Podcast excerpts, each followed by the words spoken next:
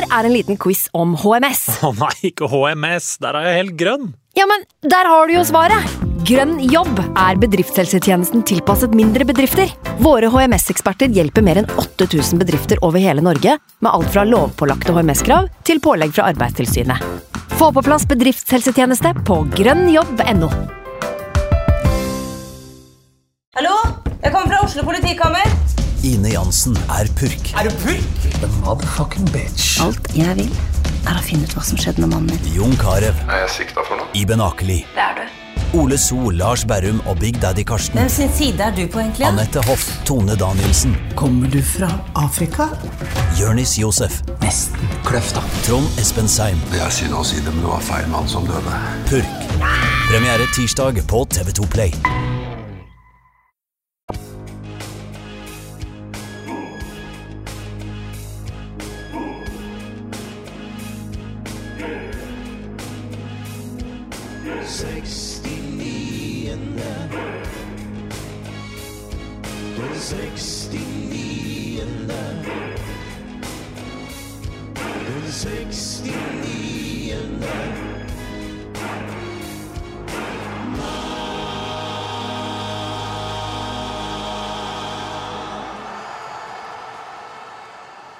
Verdens mest omdiskuterte nyvinning i fotballen, nemlig VAR, kom til Norge denne sesongen. Et mye omdiskutert verktøy som skulle gjøre jobben enklere for dommerne, mer rettferdig for lagene og mindre fokus på dommeravgjørelser i etterkant av kampene. Nå har det gått 24 runder hvor VAR er blitt benytta i 192 eliteseriekamper, og aldri før har dommeravgjørelser vært mer diskutert enn de har blitt i løpet av det året her. Etter helgas, helgas runde eskalerte misnøyen mot VAR ytterligere, og det her har vi i panelet lyst til å ta tak i med å lage en ekstra episode. Velkommen til episode 56 av Den 69. mann. Jeg må informere om at denne episoden her er sponsa av Færder begravelsesbyrå. Så får vi se da om vi ender opp med å gravlegge VAR, eller om vi må gravlegge stridsøkser etter innspilling. Jeg sa jo i innledninga at panelet ønska en ekstra episode om VAR, men problemet er at det kun er jeg som er til stede. For de tre andre variantene er forhindra med både sykdom og jobb. Så da jeg, var jeg nødt til å dra inn en vikar på kort varsel, og det ble eh, deg, det, Posse. Det var hyggelig. Kan du forklare lytterne kort hvem du er, og hvilken rolle du har i fotballen? Ja, jeg er styreleder i Stabæk Support og har vært i styret der siden 2008. Og så har jeg vært talsmann for Norsk supporterallianse i seks år, og vært med der totalt i ca. 10-11 år, tror jeg, som ressursperson eller talsmann. Kort og enkelt. Eh, vi har et veldig stramt tidsskjema, så vi må bare gå videre. Eh, for det, vi har ganske mye på planen, og eh, vi har jo med oss eh, fire gjester, eller fem med deg, da. Så, eh, som alle har meninger som skal ut, så da må vi bare starte med å introdusere det som er dagens gjester. Og da starter vi med Terje Hauge, som er dommersjef, tidligere Fifa-dommer med 301 eliteseriekamper med fløyta i hånda. To EM-sluttspill i ett VM-sluttspill, og en rekke kamper i Champions League, deriblant finalen mellom Arsenal og Barcelona i 2006. Velkommen til oss, Terje. Ja, tusen takk for invitasjonen. Alltid hyggelig å eh, være her og få lov å komme med hva skal si, innsikt fra min verden. Ja. Jeg må jo berømme deg for å stille opp i en supporterdrevet podkast spesielt nå som det stormer ordentlig rundt eh, VAR. Hvordan er det for deg personlig å stå i den stormen? Dette var forventet. så Dette ser vi har skjedd i alle ligaer som har innført VAR. I dag 35 ligaer i Europa.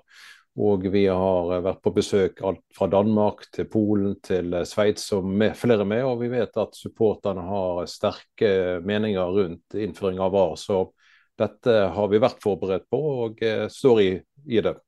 Da tar vi inn neste gjest, som er Per Ivar Staberg. Over 250 eliteseriekamper, tre år som Fifa-dommer, og han er grunnlegger av Bortekamp, en organisasjon som arbeider for bedre mental helse i idretten. Velkommen også til deg, Per Ivar. Takk skal du ha, Jonas. Um, når jeg snakker om, uh, med tidligere fotballspillere, så sier de ikke nødvendigvis at du var den aller beste dommeren. Det er gjerne Terje som får, uh, får på seg. Um, men de snakker om at uh, du var den beste dommeren å ha i kamp. Hvorfor det? Ja, hvorfor det? Uh, nei, jeg vet ikke, jeg. Men uh, jeg var i hvert fall uh, ganske bra på å kommunisere med spillerne. Og så tror jeg representerer to deler av fotballfamilien i denne poden her. Jeg er en fotballpatriot, og så har jeg vært fotballdommer, som du nevnte. Så jeg ser det egentlig med, med to, to briller på. Så det Jeg tror nok at mange dommere i dag og, og tidligere, eh, inklusive en Terje, og også en fotballelsker, eh, men kanskje er litt mer 50-50 enn eh, en, eh, flesteparten. Vi har med oss flere, vi. Knut Espen Svegården, bedre kjent som Svea. Anerkjent eh, sportsreporter i VG, som har fotball som sitt fagfelt, og forfatter som har skrevet flere sportsbøker. Velkommen, eh, Svea. Hjertelig takk. Eh, du kan jo starte med å svare på et ganske enkelt spørsmål. Er du for eller mot VAR? Jeg er i hvert fall ikke for. Ja, kort og enkelt. Eh, siste gjest, Egil Heinert, Lillestrøm-supporter med sterke meninger, har spesielt gjort seg bemerka i det siste, da han har klagd inn TV 2 til PFU.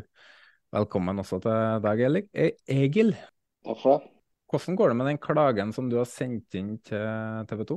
Den går sin gang. For de som ikke vet det, så har jeg, har jeg klagd inn TV 2 for brudd på Værsomplakaten, som er pressens etiske normer. Eh, den er nå til behandling, så TV 2 har eh, nå én uke igjen av svarfristen sin på min klage. Før jeg har en uke på svar på TV 2s kommentar, og så TV 2 til slutt. Eh, og så får vi, får vi, en behandling i pressens fagutvalg da, eh, om da TV 2 har brutt pressens etiske normer i dekning av varer eller ikke. Ja. Å holde oss oppdatert på hvordan det der går. For de som lurer, så er det jo bare å følge Egil på, på Twitter, så um, oppdaterer han flittig der. Uh, vi skal gå gjennom dagens episode, uh, for temaet i dag er jo VAR i Norge, eller VAR generelt. Uh, også I tillegg til at vi skal litt innom uh, den norske dommersatsinga, eller norske dommere og dommerrekruttering. Og vi kan jo egentlig bare gå rett på. Da starter jeg med et spørsmål til deg, Terje. For hvordan vil du oppsummere VAR i Norge til nå? Ja, jeg, må bare begynne litt med at oppe i diskusjonen her, så må ikke vi bli historieløse med tanke på hvorfor kom VAR på banen i internasjonal fotball i 2016-2017. Da må vi litt tilbake til 2010, 2012, 2014 i store mesterskap. Eh, fotball begynner å gå fortere. Eh, høyt tempo. Eh, spillerne blir flinkere ute på banen inne i straffesparkfeltet, spesielt å prøve seg på filming. Eh, falle lett, eh, påvirke dommere, påvirke utfallet av kampen. Eh, ting skjer i forhold til at dommeren får ikke tak i stygge taklinger ting som skjer bak dommerens rygg. Dette her med å beskytte spillet, beskytte spillerne, og igjen også assistere dommerne. Dette var stor tematikk i 2010-2012. Holland fikk eh, første mulighet til å eh, lage et prosjekt eh, var i 2016-2017 og ble implementert i VM 2018. Etterpå det har vi 35 liga. Jeg er veldig glad at ikke vi i Norge er første liga ute eh, tilbake til 2018-2019, eh, men at vi har ventet fem år og sett hvordan andre liga har innført det. Og eh, har lært av andre liga. Og vi vet at første reiseår er alltid vanskelig. Dette her med å sette et lag sammen. Vi har utdannet 60 dommere innenfor VAR. Og vi skal kanskje ned til 40 stykker, så vi må finne hvem er rett til rett plass. Vi har i denne fasen også økt fra 13 dommere ute på banen til 19 dommere ute på banen, og hatt 60 gjennom et system. Så det er et stort lag, dette her. Så det er klart, eh, når fire ute på banen, tre inne på uh, VAR-stasjonen, og alle disse skal kommunisere og samhandle, så uh, er det bare sånn at det tar litt tid før et lag setter seg. Ser vi tre år fram i tid nå, så er jeg overbevist for at disse 19 ute på banen går ned til 16, kanskje færre. Det får tiden vise. Slik at vi spisser kvaliteten ute på banen og bygge opp skikkelig eh, dommerteam, eh, og gjerne enda mer profesjonelle dommerteam, med å ramme de enda bedre inn i forhold til eh, tilrettelegging og gjennomføring og være her. Og skal det samme skje på VAR-senteret, at den store gruppen vi har utdannet, vil også spisse seg etter hvert som hvem egner seg ned på VAR-senteret. Hvem har hvilepuls? Hvem er det som finner uniformeringen, eh, samhandler med dommerne ute på banen, og på den måten leverer kvaliteten på VAR-senteret. Denne veien må vi begynne å gå opp, og har allerede startet. Jeg har sagt vi trenger en 10-15 runder for å etablere ting. Nå har vi begynt å uh, få en oversikt på hvordan alle fungerer sammen. Og må begynne etter hvert å spisse dette her med rene grupper på banen og rene grupper inn på VAR-senteret. Ser vi hvordan andre liga har håndtert dette over tid, så ser vi det at uh, store liga har egne grupper på banen og egne grupper ut, uh, på VAR-senteret. Og noen få som tar begge roller her. Altså Man blir mer dedikerte, mer profesjonelle og mer spisse på alle plassene sine. Og eh, Den veien eh, ønsker vi å gå. Og eh, Vi har hele tiden sagt det er dommeren ute på banen som er kamplederen, er sjefen. VAR skal kun assistere. Så er det ingen tvil om hvem som er leder i dette teamet her og skal ta avgjørelsene ute på banen og være den store kampleder. Og jeg vil si, Med min erfaring på 192 kamper i et større blikk, så har dette fungert tilfredsstillende ute på Eliteserien. Altså dommerne tar avgjørelsene. Og så kan vi alltid diskutere dette med påkobling av VAR. Hvor ligger lista? Ligger lista litt for høyt? Jeg har sagt fra første sak vi skal ligge en høy liste i Norge. Jeg ser kanskje i etterkant at lista er litt for høy, eh, med at ikke alt blir fanget opp. Men grunnen til at vi har lagt oss på en høy list, er færrest mulig stopp, minst mulig bruk av tid. Og på den måten få flyt i fotballkamper og ta det som er kontroversielt i forhold til opinion of the referee, og ta det som er faktafeil, dvs. Si innenfor utenfor straffesparkfeltet, offside som er faktabasert og ikke skjønnsbasert. Så i dag, eh, så langt, så har vi 44 hendelser i Norge. 44 hendelser på 24 runder der vi har vært inne og omgjort dommerens avgjørelse. Og Det er et inngrep i hver fjerde kamp. 4,4. Altså Se for deg hver fjerde kamp, 4,4 kamp, så er vi inne og gjør om en avgjørelse. Og Dette er et veldig høyt snitt sett med internasjonalt øyne. Der ligger det på tre kamper. Hver tredje kamp er vi inne og gjør om en avgjørelse. Uefa ligger det på 2,8, rundt 3. Så uh, vi har lagt oss på en veldig høy liste, og igjen kanskje litt for høyt. Det må vi evaluere når vi er ferdig med sesongen. Men det er igjen færrest mulig inngrep og få flyt i fotballkampene minst mulig bruk av tid. Og så har Vi jeg må bare få sagt, vi har en situasjon på seks minutter, opp mot syv minutter hvis vi teller sekunder fra ballen ligger i mål. Men det er én situasjon i år. Jeg vet ikke om alle vet rundt bordet hvor mange mål vi har skåret i år. Men vi har skåret 584 mål. 584 mål. Og alle målene skal sjekkes. Og av de 584 målene vi har skåret i forhold til spontanitet, så er 84% mål som ikke blir sjekket. Det er ikke nødvendig. Det er ikke offside, det er ikke noe APP, det er ikke forseelser. Så 84% av målet går rett igjennom uten noen VAR-sjekk. Men 16% av alle målene må vi gå tilbake og sjekke. Og Da viser det seg at av disse 16% så er 13% av målene sjekket når ballen ligger klar til avspark. Altså det blir ingen forsinkelser i spillet. Og Det betyr igjen at vi har 3% av alle målene forsinker vi litt. Det er helt konkret 16 ganger vi har måttet forsinke spillet. Altså avspark, vent litt, grann, vi må sjekke offside og eventuelt APP. Har det vært en forseelse? Mm. Så, eh, og da har vi den ene gangen i, i, eh, i Odd Skien som var katastrofe. Det må vi bare innrømme. Stor katastrofe. Og neste dag uh, ga vi klare føringer til alle våre dommere at går vi inn på en tilsvarende boble som dette, her, så må vi gå veldig fort ut av den igjen og slutte med fikk av linje når det er marginalt, det er mange spillere, vi skal triangulere. Dette tar tid. Vi må ut igjen, stoppe og stå på dommerens avgjørelse på banen.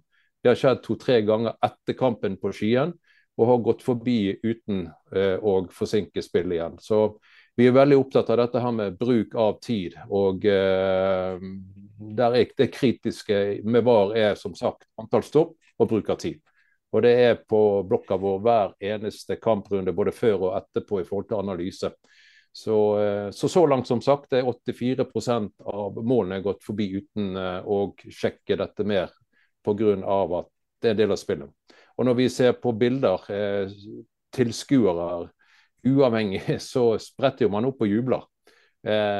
Så jeg vil ikke si at VAR har tatt fra spontanitet og glede og engasjementet ute på fotballkampene, men heller en større rettferdighet. At vi har gått inn og justert ting hvis det ikke er ritt. Så vi har jo begge deler. Vi har baller i mål.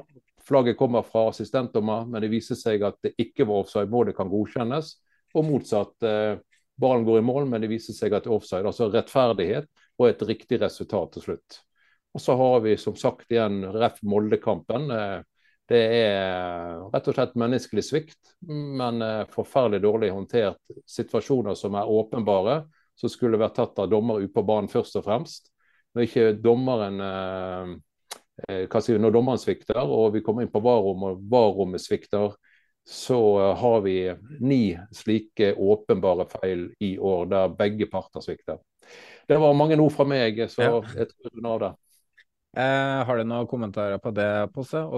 du er jo på stadion, står og følger med Stabæk fra, fra supporterseksjonen.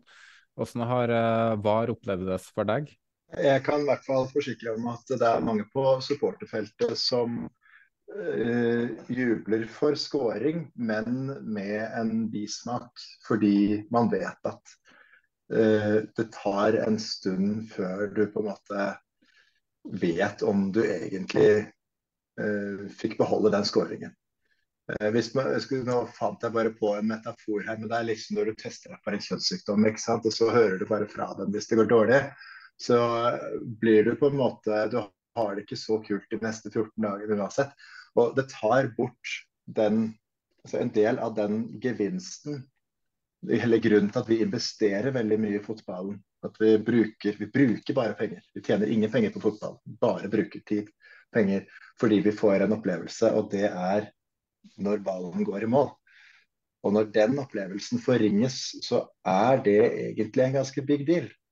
Eh, hvis, altså, Terje snakket mye om, om uh, antall situasjoner. og jeg og Terje har jo en litt forskjellig oppfatning av hva som er en som var situasjonen, hva som er en forulemping av oss som ble stående og vente. Eh, det, det gidder jeg ikke å gå inn på engang, for det er jo sikkert diskutert opp og ned igjennom. Eh, det er helt sikkert sånn at VAR har blitt bedre gjennom sesongen, og at det er færre situasjoner og, og mindre venting og sånne ting. Men det tar ikke bort det grunnprinsippet om at man vet ikke 100% om man får beholde målet før lenge etterpå. Og, og, det går folk og tenker på. Egil, har du noe å tilføye, du som er på sidelinja under kamp? Jeg hører hva som blir sagt, og jeg tror på en måte um, man misforstår uh, helt um, uh, hva som er på en måte grunn, grunnleggende premisset for oss som, som er mot, mot VAR. Uh, jeg synes Oscar Bob uh, sa det egentlig veldig fint da, i et intervju i VG, uh, hvor han fikk spørsmål om hva, hva syns du om VAR, og han svarte jeg hater VAR fordi det gjør fotballen kjedeligere. Og jeg tror at man må forstå da, er at mens barnefotballen er til for barn, eh, og breddefotballen er til for bredde, så er det ikke sånn at toppfotballen bare er til for toppspillerne. Eh, toppfotballen er en slags kultur som etter min mening er like mye for supporterne og fansen som kulturbærer gjennom mange år, enn bare for eh, de 22 spillerne som eh, er ute på banen. Og så er det sånn at i fotballen generelt så er mål mangelvare. Jeg har nå vært på to kamper uh, i det siste. Der uh, Lillestrøm mot Brann og uh, Stabæk mot Lillestrøm. Og Lillestrøm har skåret null mål. det å være på fotballkamp og se favorittlaget sitt, det er en evig venting på at noen skårer. Eller på at laget ditt skårer. Og da bryter jubelen løs. Det er hele essensen. Og det er da, når du ser eh, fansen møter spillerne ute på banen. Jeg for å ta et eksempel, eh, Det ligger ute et klipp på YouTube. Det er fra, fra Åråsen i fjor.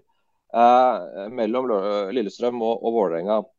Hvor, hvor, Lillestrøm får corner, og du kan se Ildren Ibrahimai piske opp Kanarifansen før corneren, som han slår inn, og Tom Petterson skårer.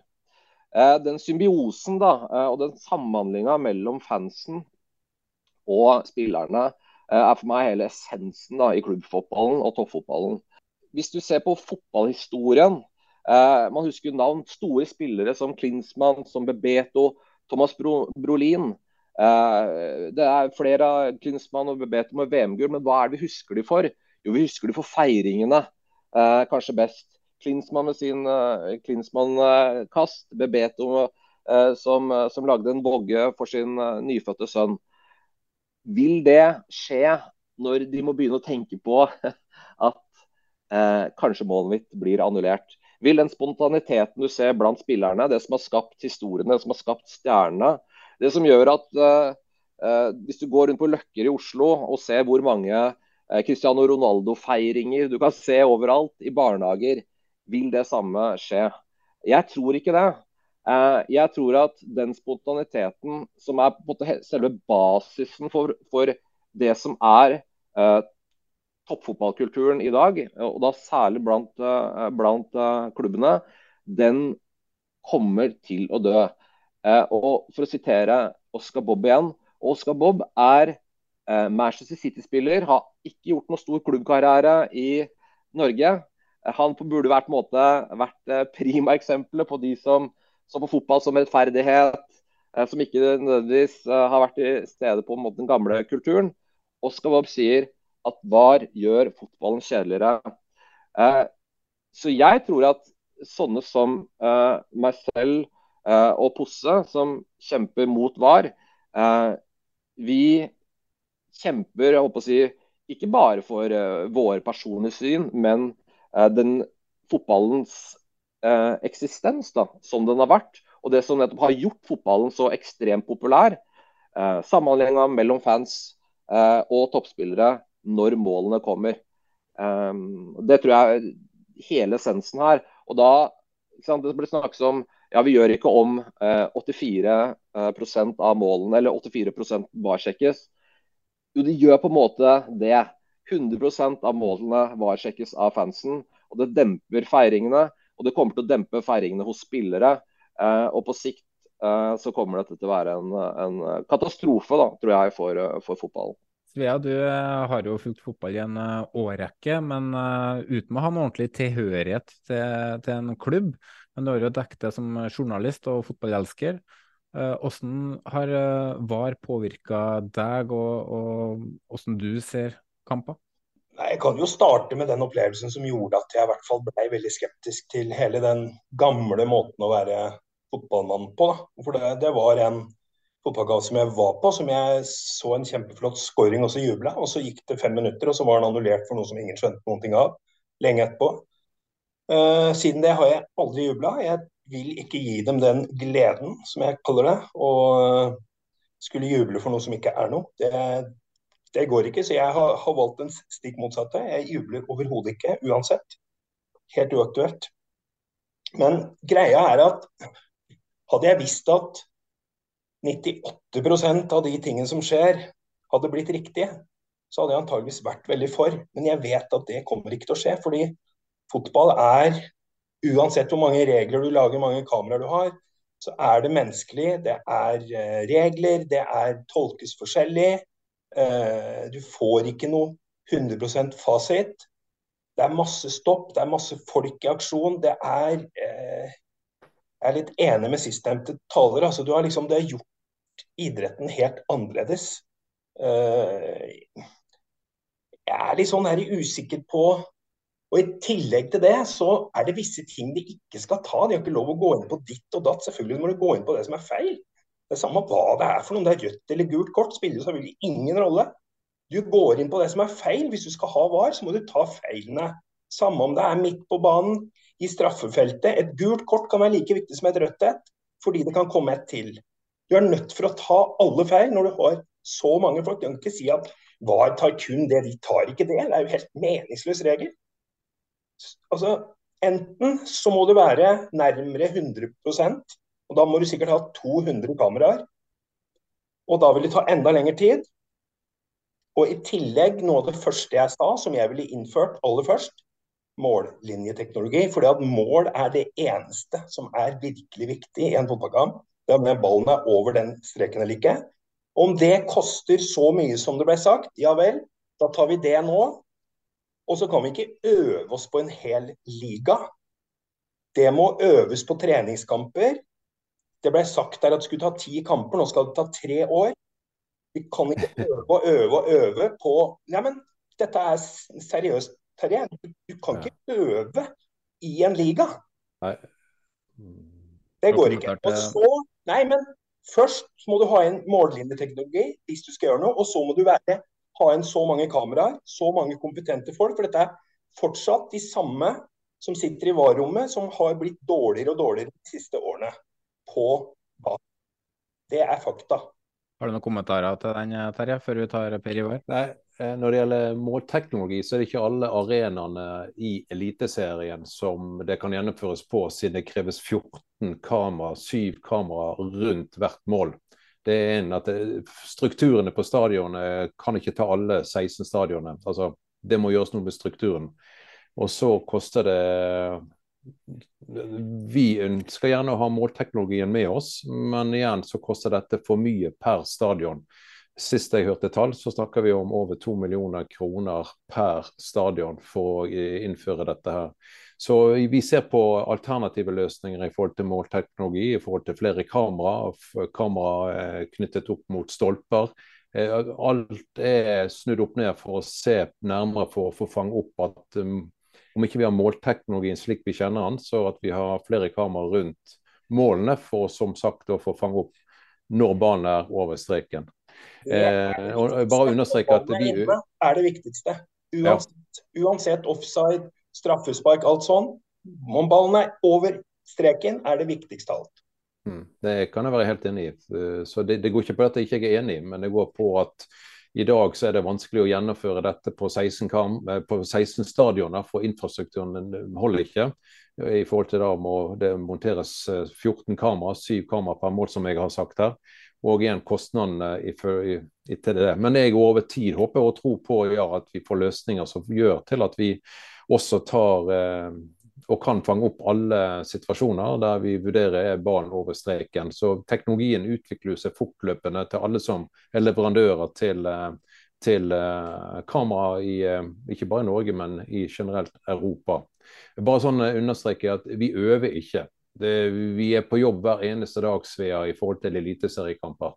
Så dette her er dommere som har igjen holdt på i ti år og kommet seg til Eliteserien gjennom å være dommer i Eliteserien utdanne seg til å være VAR-dommer. Så man øver ikke på noen måte, det må jeg få lov å understreke her. Men når man kommer inn i VAR-senter, så selvfølgelig er det annen rolle enn å være ute på banen. Det, det, det er å si seg selv. Noen er ekstremt flinke inne på VAR-senteret, og noen har ikke det som skal til for å være på et VAR-senter. Dette her må jo det er ikke øving, men vi må gjennom det å praktisere det, finne ut hvem er det som egner seg mest. Og så igjen øving, det? Eh, ja, altså Et sted må vi begynne. Vi har jo øvd gjennom Norway Cup-kamper, vi har på treningskamper, og vi må sette dette i, i stand. Plass. Ja? Det, det, det, det, en, ting, en, en, en, ting er å øve på, på, private kamper, en annen ting er å øve på kamper med publikum, TV-produksjon, klokken går. Det er noe helt annet. Dette, du må bare ut og erfare dette. Det handler ikke om øving, det handler om å erfare det, gjennomføre dette her og være en del av dette her. Og på vegne av det, hvem egner, hvem ikke egner seg til å håndtere dette her. Det er samme med spillere. Det. Du må jo inn og ha landslagsdrakter på for første gang. Hvem bærer denne her og kan utvikle seg? Hvem har høye skuldre, hvem har lave skuldre? Så enkelt er dette. Men du, altså Noe av problemet med VAR er at hvis det er en kamp uten VAR, så kommer det feil. Altså feil, feil avgjørelser. Men det blir på en måte akseptert fordi at det skjer der og da. Hvis det da er VAR oppå det hele og det fortsatt er feil, er, da kommer reaksjonene. Det er jeg helt enig i. Da kommer det voldsomme reaksjoner, og det er det som har skjedd her nå. Ja. Når liksom selv ikke VAR klarer å ta de aller verste tingene, når først har ikke dommeren sett det, ikke linjemann, ikke fjerdedommer, ikke var, da reagerer folk. Det har jeg eh, full forståelse for. inn eh, Per Ivar her. Han har sittet stille som et tent lys i 30 eh, minutter nå. Um, hvis, had, Hvis vi ser tilbake på når du var dommer, Per Ivar, kunne du ha tenkt deg å ha VAR som et hjelpemiddel når du var aktiv? Jo, absolutt. Eh, og det, det var inngangen min til, til, til, årets sesong. At jeg hadde forventninger. Uh, og de var basert på stort sett uh, kamper i Champions League og ikke minst de to-tre siste mesterskapene, EM og VM, der jeg syns VAR var ja, opp mot det optimale av det du kan forvente. Det var aldri snakk om noe, noe etterspill à la det vi ser i Premier League og ikke minst i Eliteserien nå. Så, så jeg var i gru, grunnholdning har vært positiv til det. Uh, derfor så Noen ganger har man tenkt med seg at uh, OK, dæven kunne holdt ut noen år til, så har det blitt enda enklere. For uh, fotballdømming var ikke så vanskelig i, i 2014 når jeg slutta. Men det er klart det har blitt vanskeligere, som en Terje innleder med å si at historikken er helt riktig. Presset på dommerne fra media, uh, og også spillet har utvikla seg så raskt at det er enda vanskeligere i dag å, å, å fatte de rette beslutningene. Men så, eh, og, og da, da, da, har du forventninger om at OK, når VAR inntrer, så uh, skal man øke rettferdigheten. Og Det er jo noe de aller fleste er glad i når det gjelder fotball. Uh, og prisen er øyeblikkets magi. Den må du gi litt slippe på. Men nå er prisen etter min mening blitt altfor høy pga. Riktignok noen enkelthendelser som en Terje påpeker. Det at eh, noen hendelser tar altfor lang tid. Og det, det, så vi i Europaligaen eh, med, med, med Bodø sist, sist runde òg. Fem minutter eh, ca. tok det der. Nesten det samme i den omtalte kampen i, i Norge. Og, og, da er det klart at I Nordvesten, på Aspmyra, så blir jo det helt meningsløst. Eh, det blir helt meningsløst om den har vært spilt eh, sør i Europa. For det handler om det eh, både Svea og, og, og, de to supporterne sier. Eh, det, det, handler om øyeblikkets magi. Du, du, du, skal ikke tenke deg om før du jubler for et skåring. Markus Henriksen var ute så sent som i går i, i, i en reportasje i TV 2 der de sier at det dreper gleden. Og da er prisen, etter min mening, alt, altfor høy.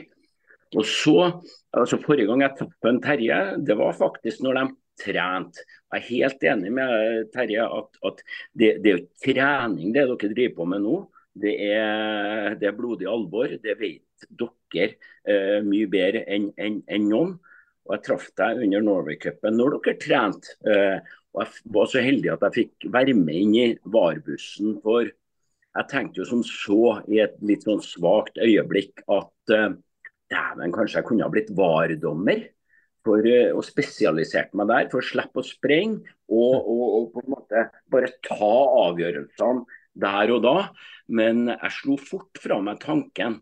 For, for det å sitte i VAR-bussen Jeg vet ikke noen, om, noen av dere andre utenom en Terje har vært i VAR-bussen, sånn som du Svea eh, kanskje har vært der, jeg vet ikke. Men, men det, det, er en intens jobb som som, som foregår der, med å sjekke ut avgjørelser opp mot hendelser inn, inn, inn, i kampen hele veien. Både når det gjelder eh, offside-avgjørelser og andre avgjørelser. sånn at der er ikke noe det er ikke noe skistuls og, og, og, brus der. Det, det, der er du på jobb. Og da er det klart at når det legges opp til, til det nivået, så vil det bli gjort feil. For noen er ukonsentrert. Eh, og det er ikke bare i Norge. Eh, for jeg, min om, omveltning fra å være positiv til å være egentlig negativ, og vil se på alternativer til, til VAR, det handler om uh, at uh, verktøyene er ikke gode nok, og menneskene er ikke gode nok til å skape den, den, den fordelen, altså kost-nytte-effekten som det er. Det koster for mye og gir for lite, rett og slett. Også når du ser til større ligaer som Premier League, der dommerne er mer profesjonelle. De har holdt på i fire år, men er nesten ikke bedre enn lille Eliteserien. Egil, har du handa opp? Jeg tror det er noen ting man må realitetsorientere seg og jeg har sagt det tidligere. Eh, det er eh, hvor mye bedre kan det bli, da. Eh, og Vi har sett bilder fra England de siste helgene. både kampen mellom Arsenal og Manchester City, som, hvor, hvor han er vel Webb han heter, blir en slags sånn TV-stjerne i etterkant. Han er da dommer, dommersjef i, i Premier League. For å forklare hvorfor, hvorfor Kovacic burde hatt rødt kort. Uh, uka før så var det jo eh, Liverpool mot Tottenham, som sikkert mange har fått med seg. Hvor, hvor VAR ikke engang klarte å kommunisere hva som, hva som var uh, riktig VAR-avgjørelse til banen, og et mål ble annullert som skulle, skulle vært stående. så vi, jeg tror nok det er ikke sånn at vi som sitter og tenker om VAR i Norge er ikke er informerte om hvordan det muligens kan se ut om noen år. Noen år. Eh, og Svaret på det er at det kommer til å se omtrent akkurat likt ut sånn som det er. Og Det har vært flere påstander. Eh, la meg ta den Molde-kampen f.eks. Eh, vi trenger, trenger, vi flere kameraer, har jo vært et sånn klassisk argument.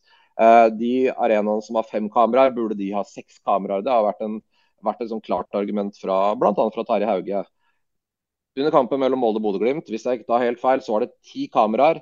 Det løste absolutt ingenting.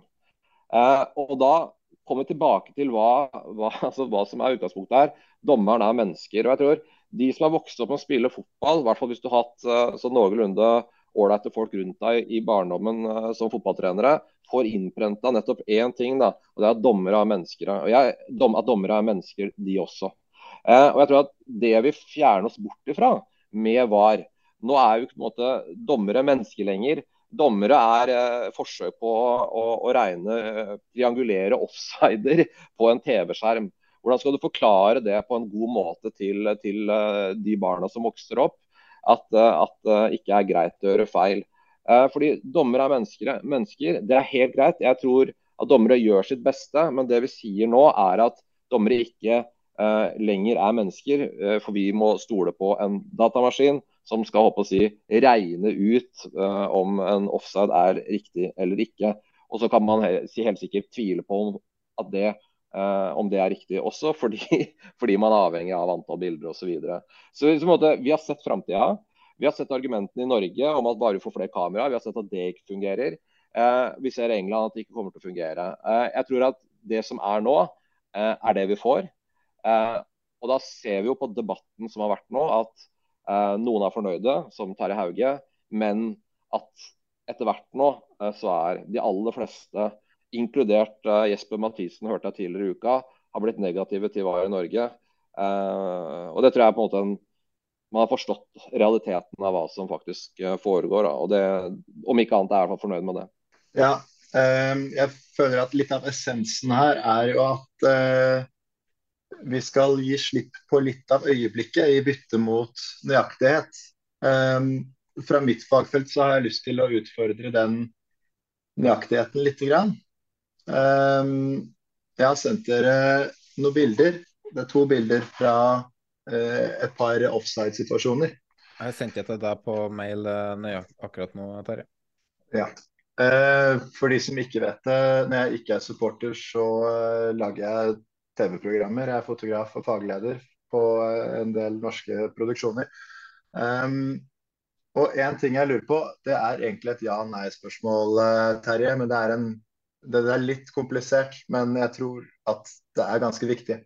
Eh, alle zoom-linser vil i en eller annen grad ha en fortegning i bildet. Altså at linjer i utkanten av bildet vil bøye seg. De kan bøye seg utover eller innover, litt avhengig av optikk. Men på disse to bildene vi ser her, så er det, det er sånn typisk eh, TV-linse som skal eh, kunne gå vidt og rekke langt. I en del bilder så vil en linje som er helt rett i virkeligheten, se buet ut.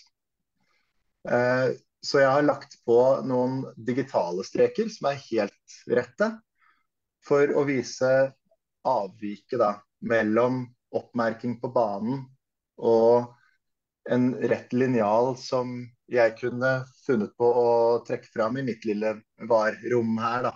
Jeg legger ut de Eh, bildene på Twitter eh, og sosiale medier for de som eventuelt har lyst til å se hvordan bilder Posse snakker om her. Ja, Det ene bildet er fra Aspmyra eh, mot Klubb eh, Brygge.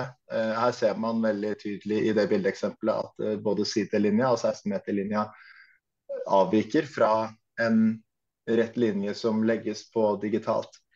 Det som skjer Vi har diskutert tidligere at ja, det er 50 bilder i sekundet, og det kan være litt unøyaktighet i forsinkelsen, men jeg tror altså, effekten her er større. For en spiller som vil være høyt oppe i bildet, langt inne i banen, vil i høyre bildekant fremstå som om han er lenger til høyre enn han egentlig er. Fordi bildet strekkes litt. Og det kan gjøre, sånn som i den offside-situasjonen på, på Aspmyra, den ble godkjent, og det er antagelig riktig. Men her kunne man risikert at en, spiller, en angrepsspiller ble dømt onside av VAR, når forsvareren egentlig var eh, på linje sånn at han hadde klart å, å plassere angriper i offside. Så er det et bilde fra Nadderud, det er Sabek mot Rosenborg. Eh, det er et bilde som jeg liksom ikke helt har klart å skjønne ennå. fordi den, den linja som VAR trekker her, som ble lagt ut i sendingen, den matcher overhodet ikke linjene i gresset. Eh, jeg har også lagt på en linje mot eh, midtstreken her. For disse offside-avgjørelsene de, de, må vurderes ut ifra hvor er kameraet akkurat når den situasjonen oppstår. Den fotografen kan stå der, kan ligge veldig hvit.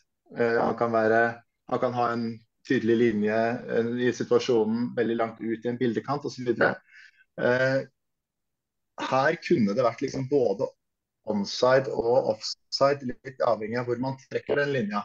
Så det jeg lurer på, er hvordan lager dere disse linjene? Er, korrigerer man eller kompenserer man for denne typen variasjoner? For på disse bildene så kan en offside-situasjon variere med en halvmeter. Hvis jeg skal svare på det, så må jeg svare at dette er ikke mitt fagfelt. Jeg må bare liksom begynne der. Eh, sant? Men det jeg vet av fakta, er at vi har vært ute på alle stadionene og hatt hva skal vi si, landmåling. Sånn at nøyaktige mål på baner, straffespark, midtbane, altså punkter, vel å merke, er målt opp og av profesjonelle folk og lagt inn i vårt system. Var vi med på den? Sånn at man har vært fysisk på besøk til alle stadionene og hatt oppmåling helt nøyaktig ned til siste centimeter. Og det er lagt inn i dette systemet vårt EVS.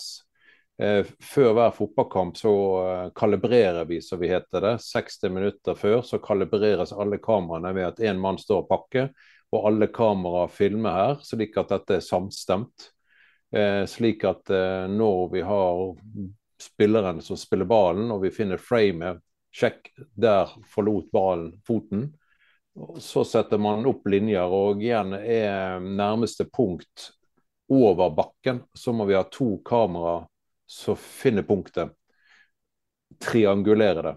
Hvis det nærmeste punktet er nede på bakken, foten, så holder det med ett kamera.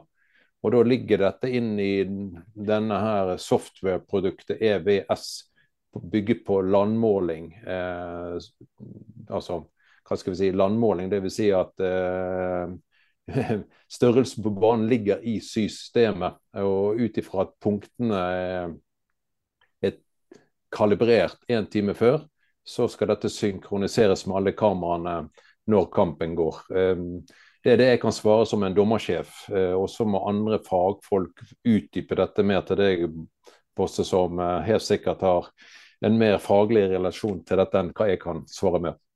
For Det jeg ikke forstår, er på det bildet på Nadderud som du kanskje har fått foran deg der. Der vil den offside-linja virkelig avvike fra linjene i gresset, som tross alt er der for å hjelpe til med, med offside-avgjørelser. Om man hadde fulgt linjen i gresset, så ville man kanskje sagt at Rosenborg-spilleren er onside.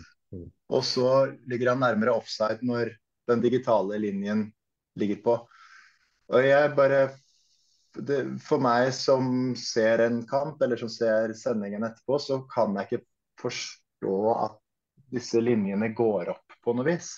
Jeg eh, inviterer deg ned til VAR-senteret, så skal vi få fagfolk som eh, håndterer dette der nede, til å gjerne forklare meg og deg i dybde på eh, nøyaktighet, slik som du spør her nå.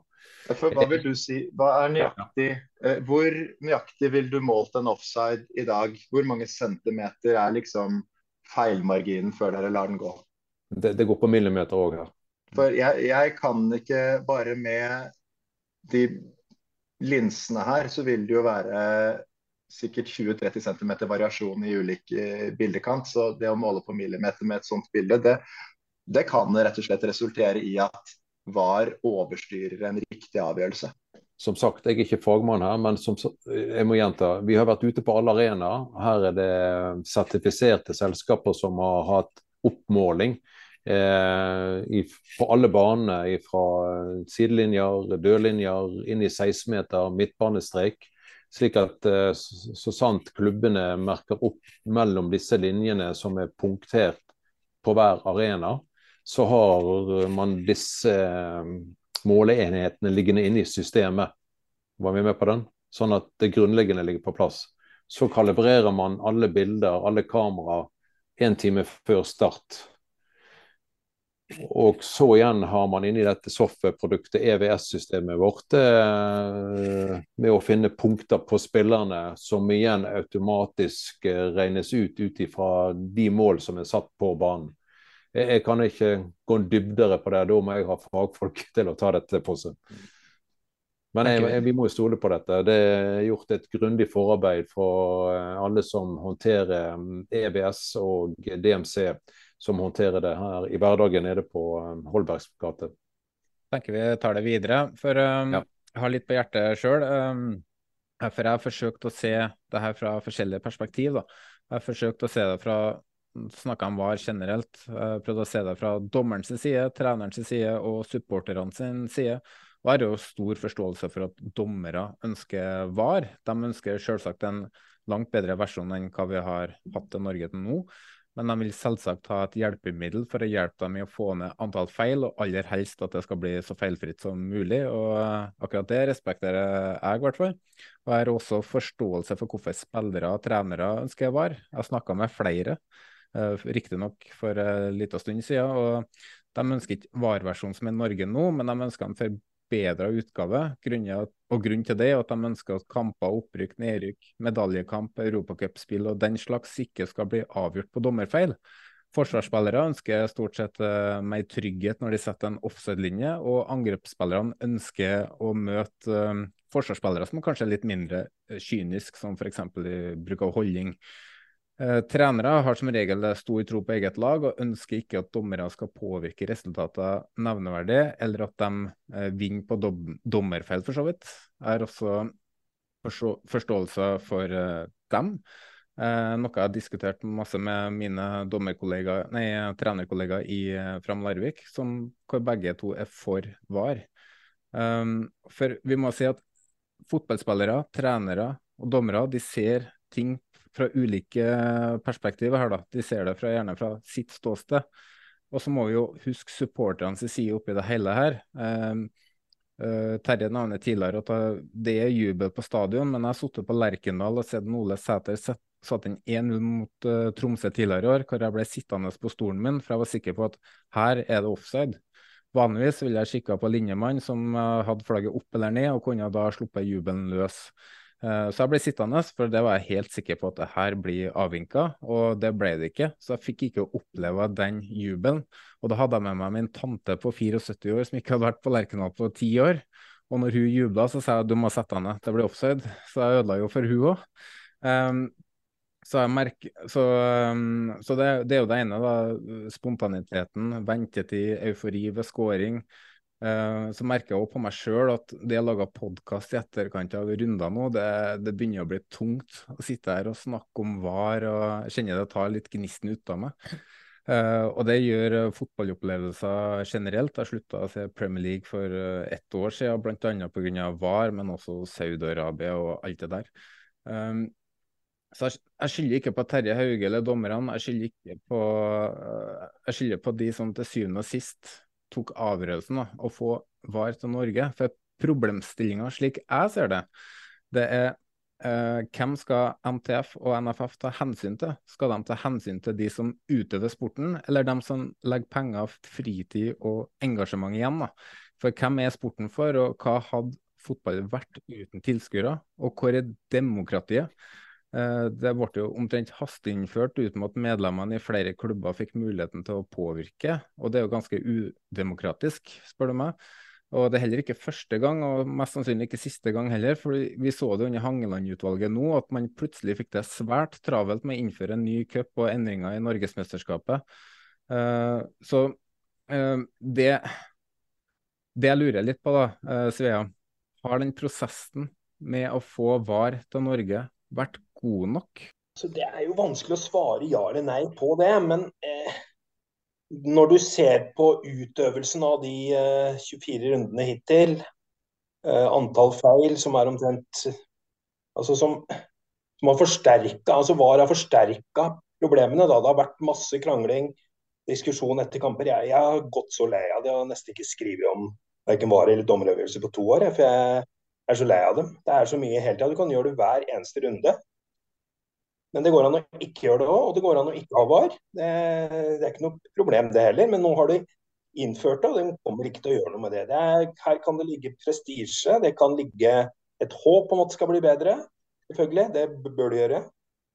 Men det kan godt være at det har gått litt for raskt her. og jeg er også, jeg er også veldig på det at er, hvem er fotballen for? Altså, Du kommer til et eller annet punkt her der du må stille deg spørsmålet hvem er, hvem er det fotballspillerne spiller for?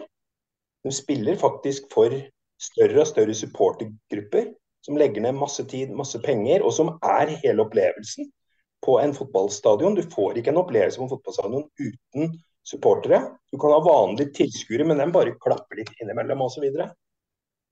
Hvis vi skal få en god opplevelse på en kamp, så må du ha supportergrupper, og da må den bli hørt. Det er de nødt for.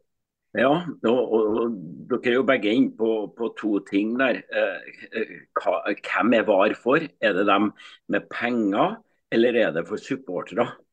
Altså, VAR må jo være for begge deler. Eh, hvis ikke, så Altså, de med penger, dem er avhengig av supportere. Og, og, det er jo det du sier, Svea. Det, hvis ikke så dør fotballen.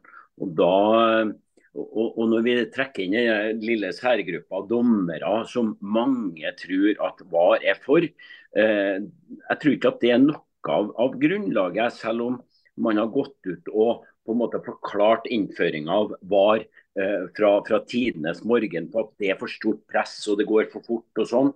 Eh, det handler nok om litt andre eh, eh, ja, mekanismer da, i forhold til kommersielle muligheter og sånne ting òg.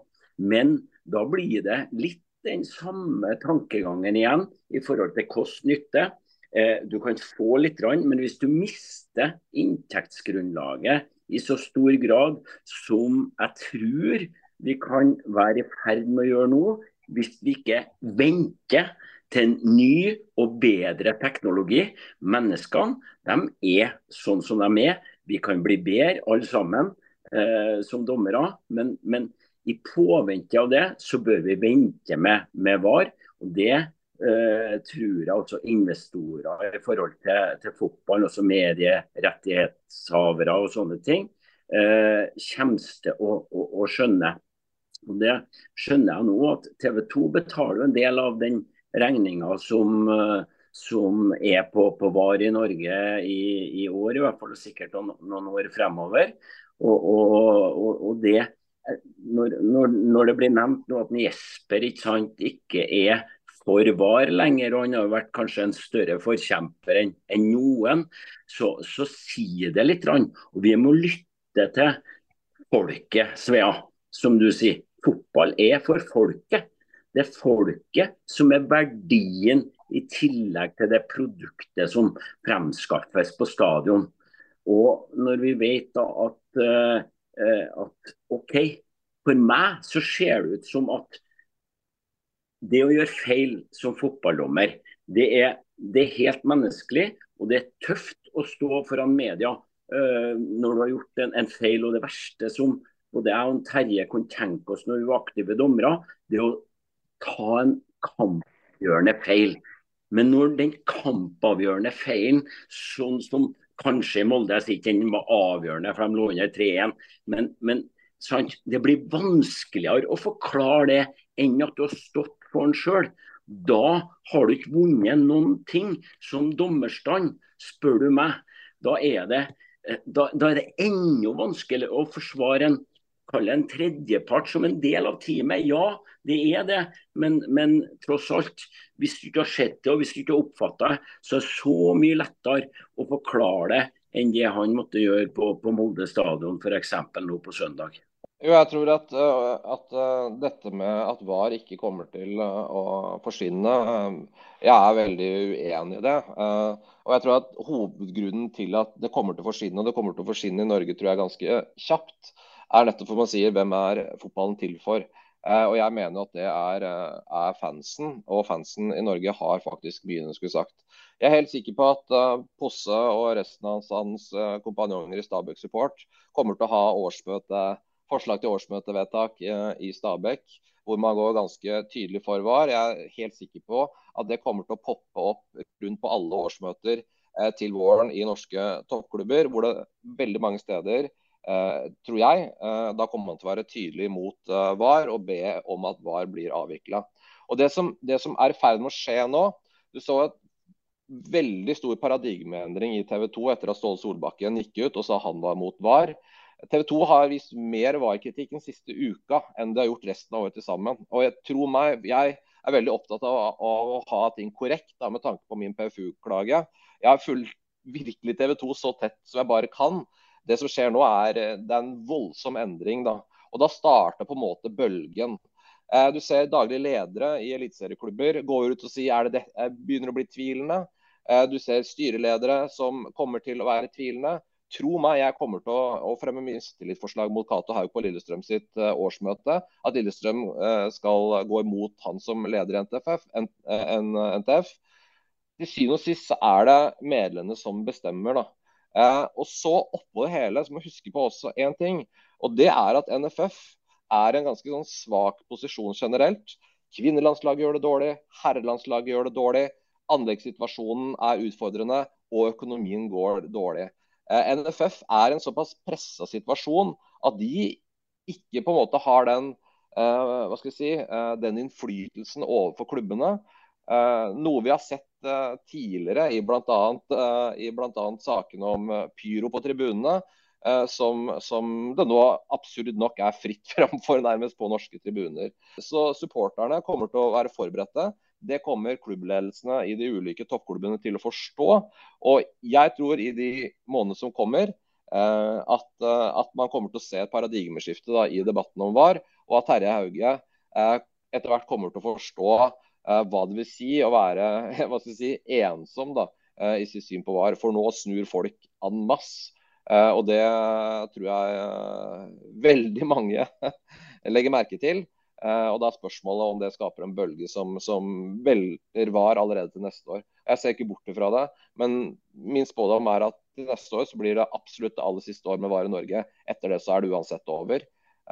Og på sikt også internasjonalt, fordi folket vil ikke ha det. Og til syvende og sist er det én ting vi vet i internasjonal fotball, det er at bunnlinja teller. Vil ikke folk ha det og TV-tallene går ned, så spiller det ingen rolle hvor, hvor rettferdig folk, folk syns det er. Toppfotballen er per definisjon urettferdig. Uh, det er ikke dette folk uh, faktisk bryr seg om. Uh, folk har lyst til å se fotball, ha følelser rundt det, og ikke se på at uh, Terje Hauge driver med triangulering. Det er ikke det som er fotball for folk. Så, så jeg har, en, har, nærmest et avslappa forhold til dette. Dette er på vei bort, uh, og Norge heller før eller siden. Og det er jeg helt overbevist om.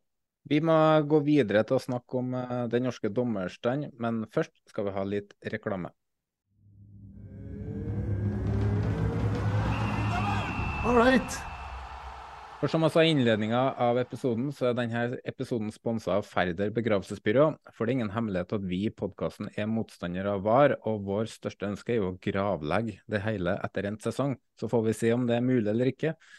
Færder begravelsesbyrå holdt til på Sem, Tønsberg og Nøtterøy og har gjort seg bemerka med sine luksusbiler. Så har du ikke vært i en ordentlig luksusbil før, så kan du i det minste oppleve å få din aller siste tur i en sånn bil. Vi er i ferd med å gå inn i et lengre samarbeid med Færder begravelsesbyrå, for det er ganske mye relevant vi kan bruke det til framover. Det er to lag som skal rykke ned og gravlegges, og i tillegg har jeg en forskjellighet for dødballer. Og der eh, kan vi selvsagt benytte de. Jeg, jeg, jeg, så faktisk en bil fra Færder uh, uh, i helga hvor jeg var i Tønsberg. Det så veldig, så veldig bra ut.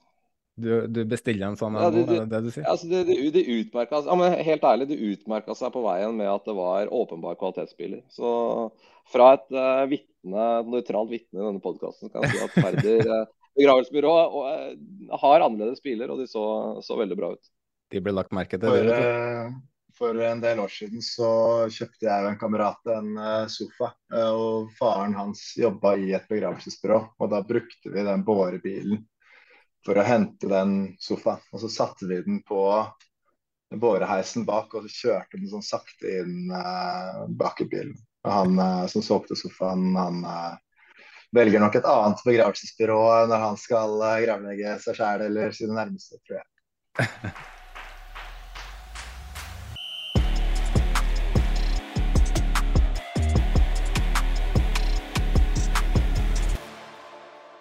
Vi går videre, og eh, vi beveger oss litt bort fra hver, hvert fall. Men vi kan jo åpne opp med, med, det første temaet her. For vi har fått inn ganske mange lyttespørsmål. Jeg tror vi nesten oppe i rekord der.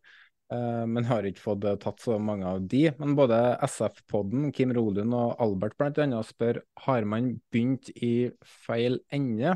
Der, ja. Burde man eh, profesjonalisert dommerne først, før man, eh, før man da har starta med VAR? Vi eh, har jo hatt en lang lang prosess med våre dommere, og i dag eh, har vi 115 dommere under kontrakt og kaller dette for semiprofesjonelle.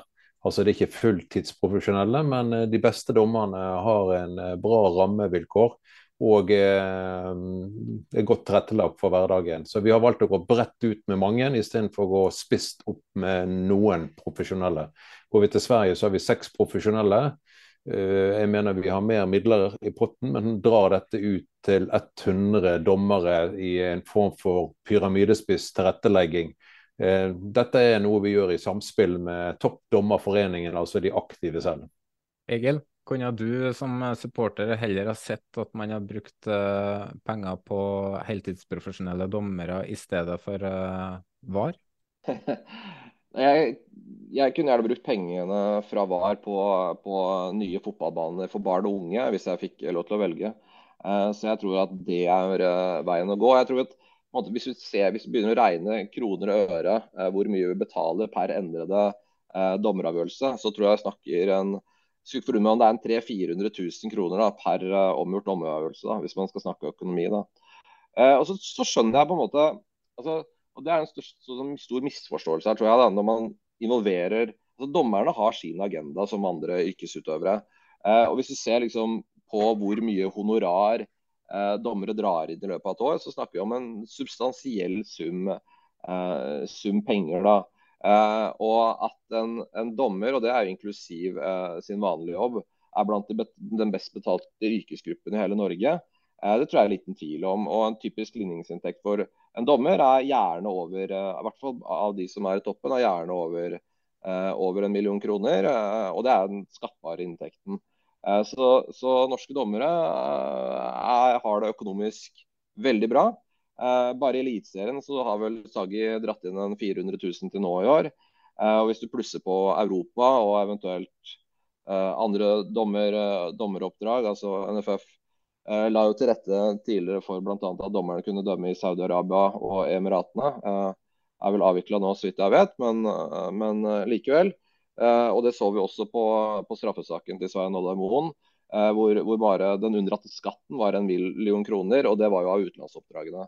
Så det er for hver sant, de store, altså, Det er ikke blant dommerne de største pengene er internasjonal, eh, internasjonal fotball eh, eller norsk fotball, men for hver enkelt en av dem så er det var toppdommer i Norge. Eh, svært økonomisk eh, gunstig. Eh, og når VAR kommer nå i tillegg, så kan man jo begynne å være dommer også etter at kondisjonen går ned. og Vi ser f.eks. en dommer som, Tom Harald Hagen, som vel har tatt en 20 vareoppdrag i år, gjør nesten 200 000 kroner bare på de. Sånn at, ja, at dommerne er tilhengere av VAR bare av ren økonomisk interesse, det, det har jeg ingen, ingen, som helst problem med å forstå. Uh, og jeg som bor to-tre kilometer unna Holbergs plass, altså det å rusle bort en søndag og sitte en to-tre timer og se på fotball, drikke kaffe og gjøre med et par avgjørelser og få 9000 kroner for det, Eh, det, det, det, må jeg innrømme at det eh, høres fristende, og det er rater som selv forretningsadvokatene på Aker Brygge ikke er i nærheten av. Så det, det er gode litt, tider å være dommer i Norge. Jeg er litt, eh, litt, skremt, Egil, av dine beskrivelser. Husk på at dommerne begynte en gang når de var 16 år. I 10-15 år har de jobba, trent hver eneste dag for å kvalifisere seg til Eliteserien. Du kan tenke antall timer man har lagt ned for å kvalifisere seg til Eliteserien. Det er en lang vei. Det er en lang reise. Og Dette må vi ta med i disse betraktningene som du nå beskriver. Ja, altså, full, full, jeg, full. Jeg har full respekt for at dommere har lagt ned eh, mye, mye, tid i det å være dommer. Eh, I likhet med eliteseriespillere og det er for den saks skyld andre yrkesutøvere i verden. Og det er sånn at ja, så er det også sånn at dommere er et av de eh, få tingene hvor man kan få betalt fra veldig tidlig alder. Jeg har selv dømt kamper eh, i ung alder og fått betalt for det. Eh, så det er ikke sånn at ja, jeg skjønner at dommere må på kurs. Jeg skjønner at dommere også må ha kondisjon. Eh, men, men, at en toppdommer eh, i dag har et sterkt økonomisk insentiv til at VAR skal fortsette å være, vi bruker 3 millioner cirka i året bare på rene dommerhonorarer til VAR. Og Det er 3 millioner som kunne gått til noe annet, og, og som da går til dommerlønninger. Det, det på en måte er jo fakta. Og så kan man diskutere om de 3 millionene som da dommere får i dommerhonorar pga. VAR, er fortjent eller ikke, men det er en annen diskusjon. Altså På den ene siden så jakter du kvalitet, og på neste side så er ting for dyrt. Du, møter jo deg sjøl i døra her. På hvilken måte da? Nei, Du er opptatt av kvalitet, sier du. Nei, altså, jeg, jeg tar de dommerne jeg har, jeg. Ja. Så det er klart det at eh, Du må huske på at uh, de dommerne som er kvalifisert til Eliteserien, og det er ikke veldig mange sett i betraktning på antall dommer vi har i Norge. Og på den reisen de har for å kvalifisere seg til Eliteserien, så skal det ligge veldig mye tid ned i dette her. Men, det som er, men eh, Hauge, sannheten er at bl.a. du tilrettela for at norske dommere skulle drive med ren sportsvaskning døm, ved dømming i Saudi-Arabia. Så at norske dommere er opptatt av penger, det tror jeg på en måte er relativt åpent. Og Det ser vi også i England, hvor, hvor dommere drar rett fra oppdrag i Emiratene og inn i VAR-rommet og får kritikk for det. Så, og, og, jeg sier det, jeg er helt åpen. Jeg skjønner, at, jeg skjønner at dommerne vil tjene penger. Jeg tror de aller fleste arbeidstakere er opptatt av å tjene penger. Jeg har full forståelse for det. Men jeg mener at det må man også skjønne når man tar en debatt om VAR. At det dreier seg om en gruppe mennesker som har sterke økonomiske interesser i å holde VAR gående. Og Det mener jeg at er viktig uh, for folk å, å vite. da. Ja, og så eh, Vi må liksom fram til prosesser. Hvordan, altså det er jo ikke dommerne som har etablert VAR i Norge. Det er jo, dette er jo en bestemt på Forbudstinget. Eh, det er en go fra fotballklubbene. Eh, vi har fått et mandat, jeg har fått et ansvar til å utdanne dommere, etablere dommere og innføre VAR i norsk fotball. Så eh, ja, vi har fått et mandat fra forbundsstyret til å ha VAR i Eliteserien i 23, og så har vi en reise på seks år siktet inn.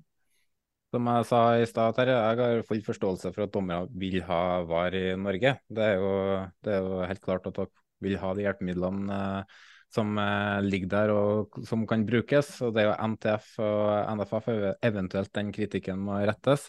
Men jeg har, et, jeg har hatt en teori på, på, på ja, i hvert fall sånn som jeg husker det, da. Når du var aktiv som dommer, Per Ivar var aktiv som dommer, eh, Tom Henning Øvrebø, så var uh, kvaliteten på dommere høyere enn i dag. Nå gikk riktignok uh, fotballen litt saktere på den tida enn det gjør i dag, da. Det, det må jo uh, sies. Men eh, på den tida så var det en litt annen respekt for dommere enn det er i dag. Og så har jeg tenkt på hvordan kan man få fram enda bedre dommere og bedre eh, dommere fra ung alder. da. For jeg er jo eh, trener sjøl i breddeidretten. og har vært eh, aktiv rundt breddeidretten i, i mange år. Og i løpet av de ti siste årene i Vestfold så er det omtrent samme dommere i dag som dømmer som det var da. Det er sjelden jeg ser nye dommere som kommer opp. Og så har jeg sjekka litt på dommerhonorarene fra ung alder og i uh, lavere divisjoner. da. For I fjerdedivisjon så får en hoveddommer f.eks. 850 kroner. Kjøregodtgjørelse kommer det i tillegg, antar jeg. Uh, øvrig senior så er det på 800. På G19 ser man på 900 nasjonal serie. Uh, og på, ned på G13 så er man f.eks. ned på 500. Um, kan, for å få fram flere dommere fra rekrutt eh, hadde det vært en idé å øke honorarene for unge dommere. For jeg kan tenke sjøl, hvis jeg var 16 år nå, eh, drømmer om å bli fotballspiller, kommer hjem fra skolen, eh, har trening på kveldstid. Eh, så trener man jo ikke hver dag, men eh, så skal man kanskje ha litt inntekt ved sida av, og da er det jo lett å ta en deltidsjobb på, på en dagligvarebutikk. Uh, og da har jeg en teori på at hvis det hadde vært høyere dommerhonorar, så hadde kanskje flere unge fotballspillere valgt å uh, bli dommer for å få litt penger uh, på si. Ikke at penger skal være motivasjon for å dømme, men det, blir, det, er jo en del av det. da. Jeg vet ikke hva du tenker om det. Ja, altså Det som jeg ser som en mangelvare i norsk fotball, er at når aktive fotballspillere gir seg i en alder av 25-26-27 år, så har ikke vi nok uh, av den kategorien som, for, som går over til å være en fotballdommer. Altså dette her, Da har man igjen fotballforståelse med seg, man har fysisk kapasitet med seg, man har relasjoner og nettverk med seg, og man har fingerspitzgefühl på hva som skjer ute på fotballbaner. Så jeg skulle gjerne sett at vi hadde klart å rekruttere flere fotballspillere når de da runder av det å satse som spiller i tredjedivisjon, fjerdedivisjon, femtedivisjon, og blir med på reisen videre som dommer. Kan trene når de vil, men må gjerne ha én kamp eh, hver helg eller én kamp i uken Eh, å få tak i akkurat disse eh, typene her, det eh, er noe jeg søker mot hele veien. La med våre dommerutviklere, de som jobber inn mot klubbene. Og hvordan kan vi få klubbene våre der ute. Og det er jo helt unikt i Norge. Dommerne er medlemmer av klubber. Går du ut i Europa, så er jo det dommerklubber. Men her i Norge så er dommerne medlemmer av fotballklubber. Det er noe helt unikt. Og hvordan igjen da skal vi inn i vår egen klubb prøve å motivere fotballspillere som runder av karrieren sin, til å gå over og bli en fotballdommer. Jeg tror her ligger det stort potensial.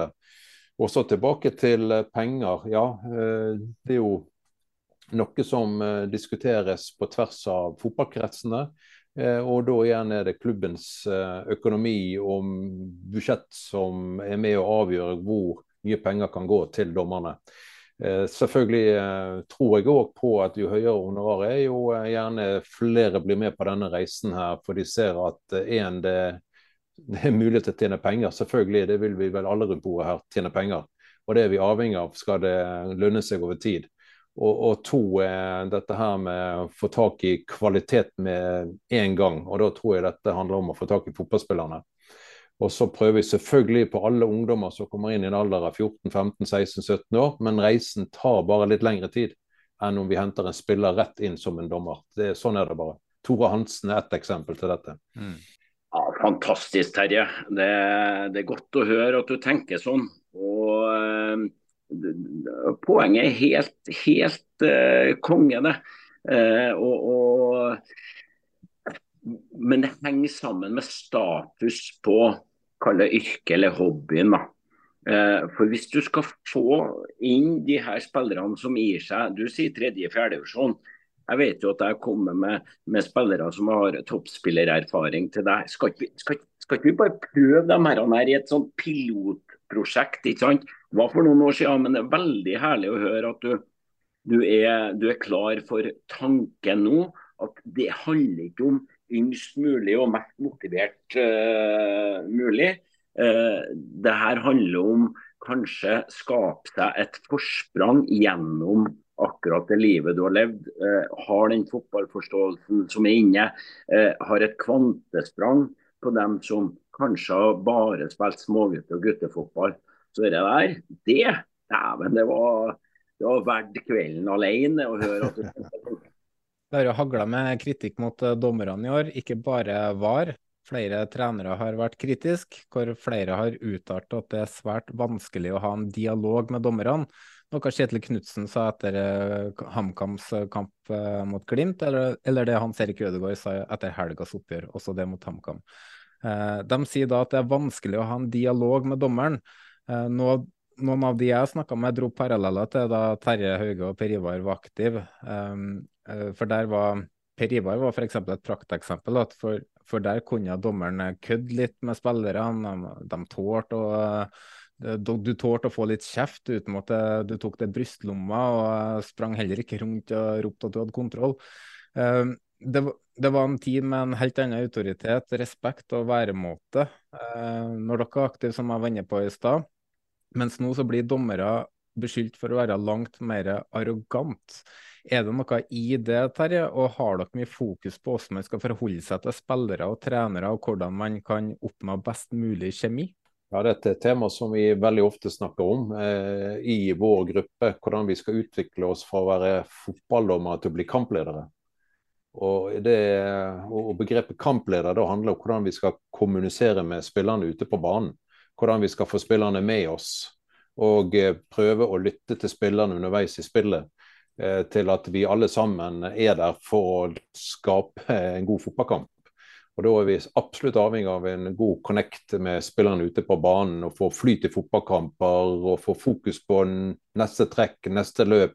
Og ikke bli opptatt av alt det som har skjedd bak deg, eller ligge ting fort bak deg. Eh, så dette er noe vi jobber med. og så det, kjenner meg selv igjen. Når jeg er ung, kommer inn i Eliteserien, så oppfatter de meg som arrogant. Eh, og så har det jo det å lære seg som ung dommer til å ta dette til seg, justere på ting, justere på tilnærmingen. Jeg tror ingen går inn på banen for å være arrogant, men likevel blir man oppfattet så arrogant. Så våre unge dommere inn ja, har dette litt på seg at man oppfattes så arrogant, mens kanskje typer som en Tore Hansen og en eh, Ola Hobba Nilsen, en eh, Svein Oddvar Moen, det kan nevnes litt flere i disse kategoriene, har en reise på fem til ti år, blitt litt skolert, litt uh, kutta i kanter og vet sjøl litt hva som er lurt og smart ute på fotballbanen. For fotballen er til spillerne, fotballen er til de aktive ute på banen. Vi må tilpasse oss de spillerne som er ute på banen i dag. Og det kan variere fra lag til lag og fra den historien vi sjøl har med oss inn på banen med dette laget her. Uh, så ja, det, det, ligger nok i det at andre kan oppfatte oss arrogant, men vi jobber med det. Det er i hvert fall helt sikkert. Altså det, er, det, var bare en ting jeg kom på som jeg tror er ganske viktig. og det gjelder uh, Jeg har sett noen eksempler nå på dommere som har gjort en dårlig jobb, og så får de lov å dømme neste kamp. Det er sånn som blir lagt merke til blant både trenere, spillere, ledere.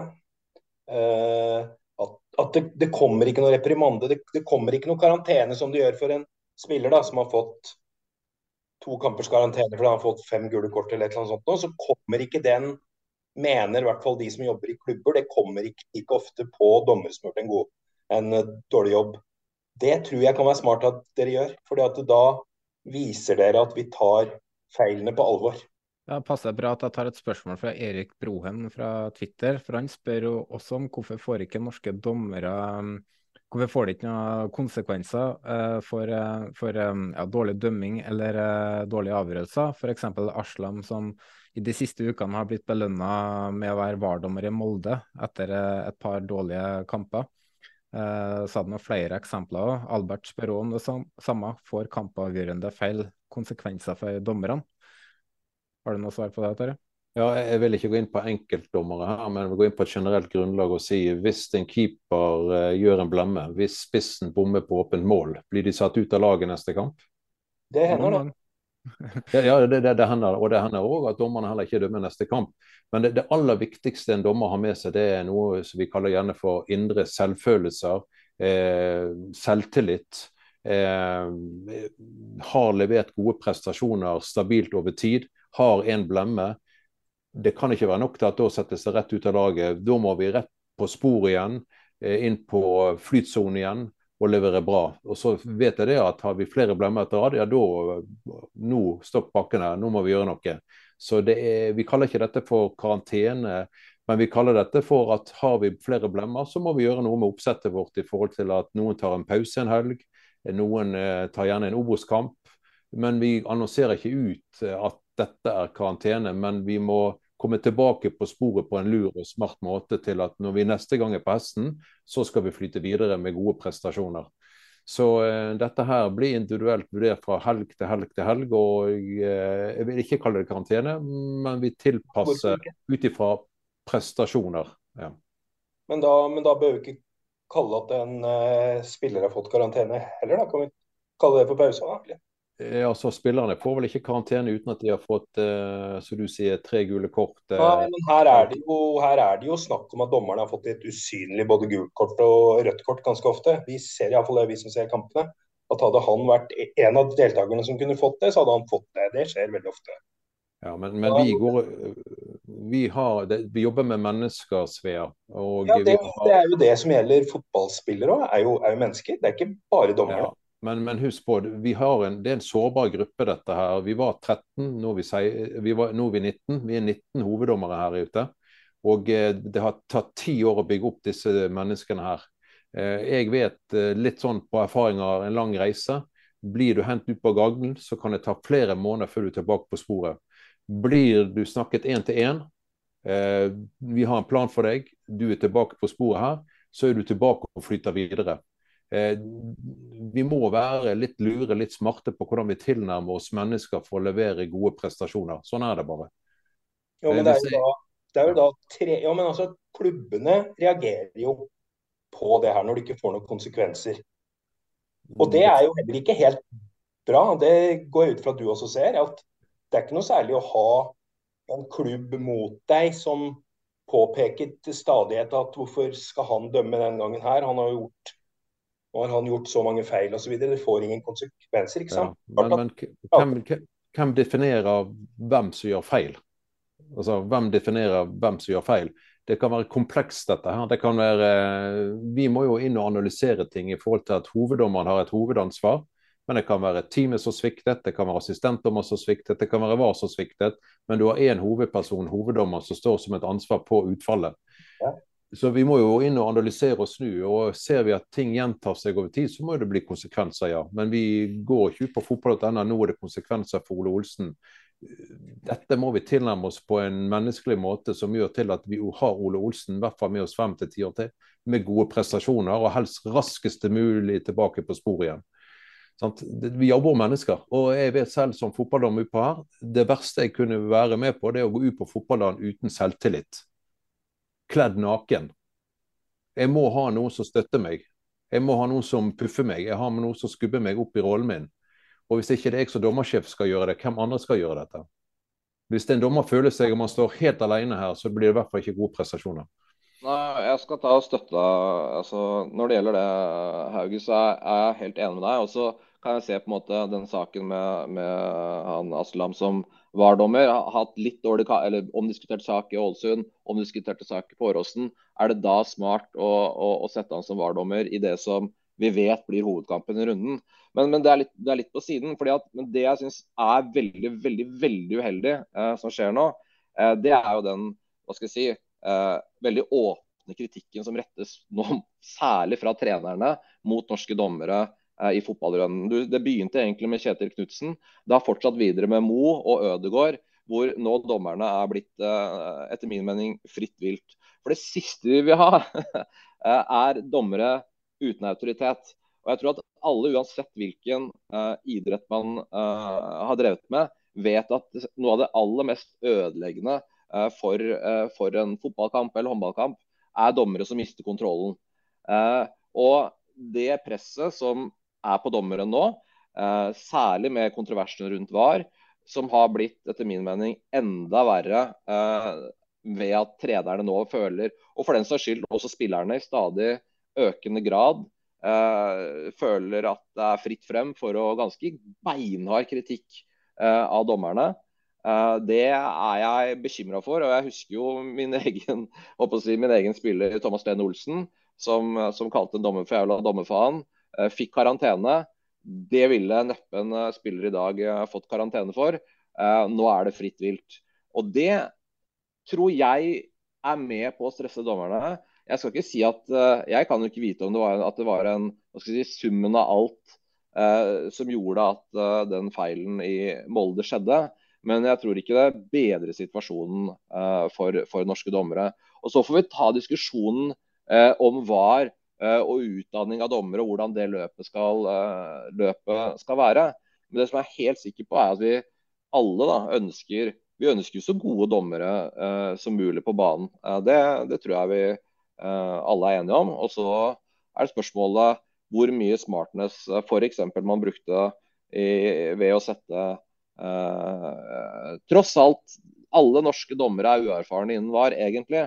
Men, men med så, så, mye uro det ble rundt Aslam de siste kampene, sett han som uh, VAR-dommer i, i Molde-Bodø-Glimt, hvor det realitet absolutt ingen oppside for han å komme tilbake på, er bare nedside. VAR er bare kritikk hvis du gjør noe galt. Hvis du gjør alt riktig, så er det jo clear and obvious, ikke sant? Sånn at Eh, det tror jeg noen ville eh, burde hviska deg i øret Terhauge, at kanskje ikke var så smart. Per Ivar, da du var aktiv, du hadde jo noen blemmer du òg sikkert. Du har sikkert glemt det nå. Men eh, de gangene du glemmer, så du da frem til neste kamp? Eller, eller, eller ønska du en pause? Hvordan var det for deg? Veldig åpenbart. og Det var et av spørsmålene mine. Jeg sitter med den Terje. ikke sant? Det er spørsmålet hvordan er det, Forskjellsbehandler du dommergruppa di? Er det, eh, er det, sånn at det automatisk du bare tar, tar, vare på alle, eller er det noen som trenger litt sånn tough love og, og bare må, må, må, gå ut? Så tror jeg kanskje du kunne ha brukt det. For meg så var det ganske enkelt. Jeg ville dømme fortest mulig for å bevise at uh, det var en, uh, det var en enkelthendelse den gangen i 1985 når jeg dømte feil. Det var, var, noen flere ganger, ja. Det var det. Så nei da, eh, litt sånn eh, litt fleipete, men, men, men, det er klart at uh, feil gjorde du i hver kamp. Og så hadde du noen kamper der det var sånn at det ble interesse rundt den. Og, og, og du ville jo opp på hesten fortest mulig. Uh, men, så, men, så, tror jeg også at, at man har et poeng her. ikke sant, at omgivelsene, folket, media, uh, lagene, når, når, når, trenere reagerer på at én eh, dommer får den og den eh, oppgaven, da, da, tror jeg at, eh, at, det er akkurat sånn som sistnevnte sa nå, at, at det er jo du kan jo nesten ikke vinne. Du kan bare gå i, i, i, i balanse. Hvis du gjør alt riktig, så går du i balanse. Hvis du gjør den minste feil, så går du i minus. Og hvis du gjør ei blemme, så er jo, er jo, han enda mer ferdig.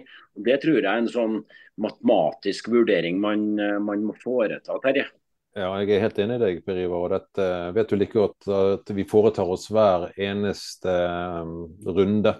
Eh, der hvert eneste kamp blir diskutert, eh, oppsettet blir diskutert. Og så er det alltid litt hensyn å ta i forhold til at noen er på ferie, noen er sperret, eh, noen er skadet. For å si sånn at de, de som kommer fra Bergen kan ikke dømme Brann, de fra Oslo dømmer ikke Vålerenga. De fra Trondheim kan dømme ikke her. Og så vil vi gjerne heller ikke at dommerne skal dømme de samme lagene runde etter runde etter runde.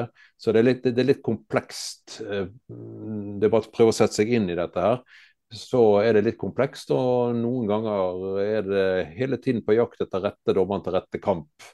Og det trenger ikke alltid være topplagene som blir de vanskeligste kampene. Det kan heller være tvert imot. Så, så eh, vi sitter her og eh, tenker veldig godt gjennom hvem skal dømme. Og vi også tenker veldig godt gjennom er det lurt å sette opp dommeren på nytt igjen. Bør man eh, gå under radaren en uke? Og dette har vi faktisk en åpen dialog med hver enkelt dommer. Det er ikke noe vi snakker om, men vi snakker med hver enkelt dommer. og Det kan være noen dommer som priver jeg vil opp på hesten fortest, og så er det om å finne rette kamp. Eller noen sier nei, nå tar vi en liten pause, en liten timeout, og vi går under radaren en uke to sammen med dommeren. Så dette handler om å ja, vi snakker med mennesker, og, og vi tar avgjørelser sammen med våre dommere. Men jeg, litt, grann, kan jeg komme litt inn på tilbake til dette med rekruttering. Jeg vil bare si at eh, Når det gjelder antall dommere, så ser vi det at ute i Europa så har vi mista 70 000-80 000 dommere gjennom covid-tiden og de årene vi har nå. Det, Uefa og alle nasjoner er veldig bekymringsfulle for antall dommere totalt. Det er vi òg her i Norge. Eh, samtidig så må jeg bare si at eh, man har gjort fantastisk gode grep her i Norge de siste årene med å sette penger på det vi kaller for dommerutvikler i hver fotballkrets.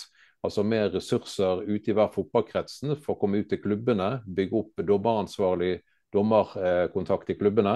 Og vi ser at det også faktisk hjelper oss med at vi mister ikke så mange dommer. Vi heller har faktisk en akse som peker oppover. Vi rekrutterer rundt 100 dommere hver sesong. Mister rundt 800, 850 og klarer å øke dette med rundt 100-150 hvert år. Eh, så problemet er ikke å rekruttere dommere, men problemet er at vi mister for mange dommere. Det er bare liksom for sakte. Ja. Er det noen som har noe å si før vi runder av? Ja, jeg har bare lyst eh, Dere som sitter rundt bordet her, dere er hjertelig velkommen inn på VAR-senteret. Det er åpent, og vi tar gjerne imot besøk for å skape innsikt i hva vi holder på med i vår verden. Så spesielt til det, Posse. Det har vært veldig kjekt om du tok turen. Jeg skal tenke på det. Takk for invitasjonen. Jeg tar gjerne turen, for det hørtes veldig eh, interessant ut, faktisk. Ja, hjertelig velkommen. Jeg tror ikke du får snudd, snudd meg nei, nei, nei, nei. Det, det, det, er bare på å prøve å skape innsikt og diskutere rundt bordet. Ja, det, det har vært veldig fint å være med på. Jeg, jeg, må bare si at jeg har stor forståelse for mange synspunkt som er med rundt bordet her. Jeg er selv glad i fotball. Jeg er glad vært en fotballfan mange mange år kombinert med å være fotballtrener, fotballspiller, fotballdommer. og Fotball er livet mitt. Så jeg, jeg forstår dere. Uh, og så har vi litt forskjellige innganger til selve kjernen, fotball og aktiviteter, uten å ta en runde til. Vi får runde av der. Tida strekker ikke til. Vi har gått 31 minutter over tida i kjent stil. Det er jo sånn vi pleier å gjøre det. Men det har vært en glede å ha dere med, alle sammen. Og igjen så må jeg berømme Terje som uh, omtrent stiller opp som uh, skytterskive og svarer på spørsmål. På mandag skal vi spille inn en ordentlig godbit. Uh, vi fikk veldig mye uh, positive tilbakemeldinger på Vikingspesialen vi spilte inn for uh, litt siden. Denne gangen så skal vi ta det enda litt lenger.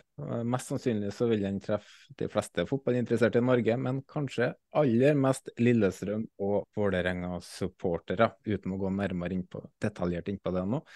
Vi kommer tilbake med mer info på sosiale medier når de siste gjestene er booka og Jan Erik Balto har fått laga episodebilde. Så det gjenstår det bare å takke til dagens episodesponsor Færder begravelsesbyrå, Jan Erik Balto som bidrar med det grafiske, Jesper Horten Skjærnes og Vestfold Lydstudio, Iver Steinsvik for utstyr, og takk til dagens gjester. Vi snakkes. All right.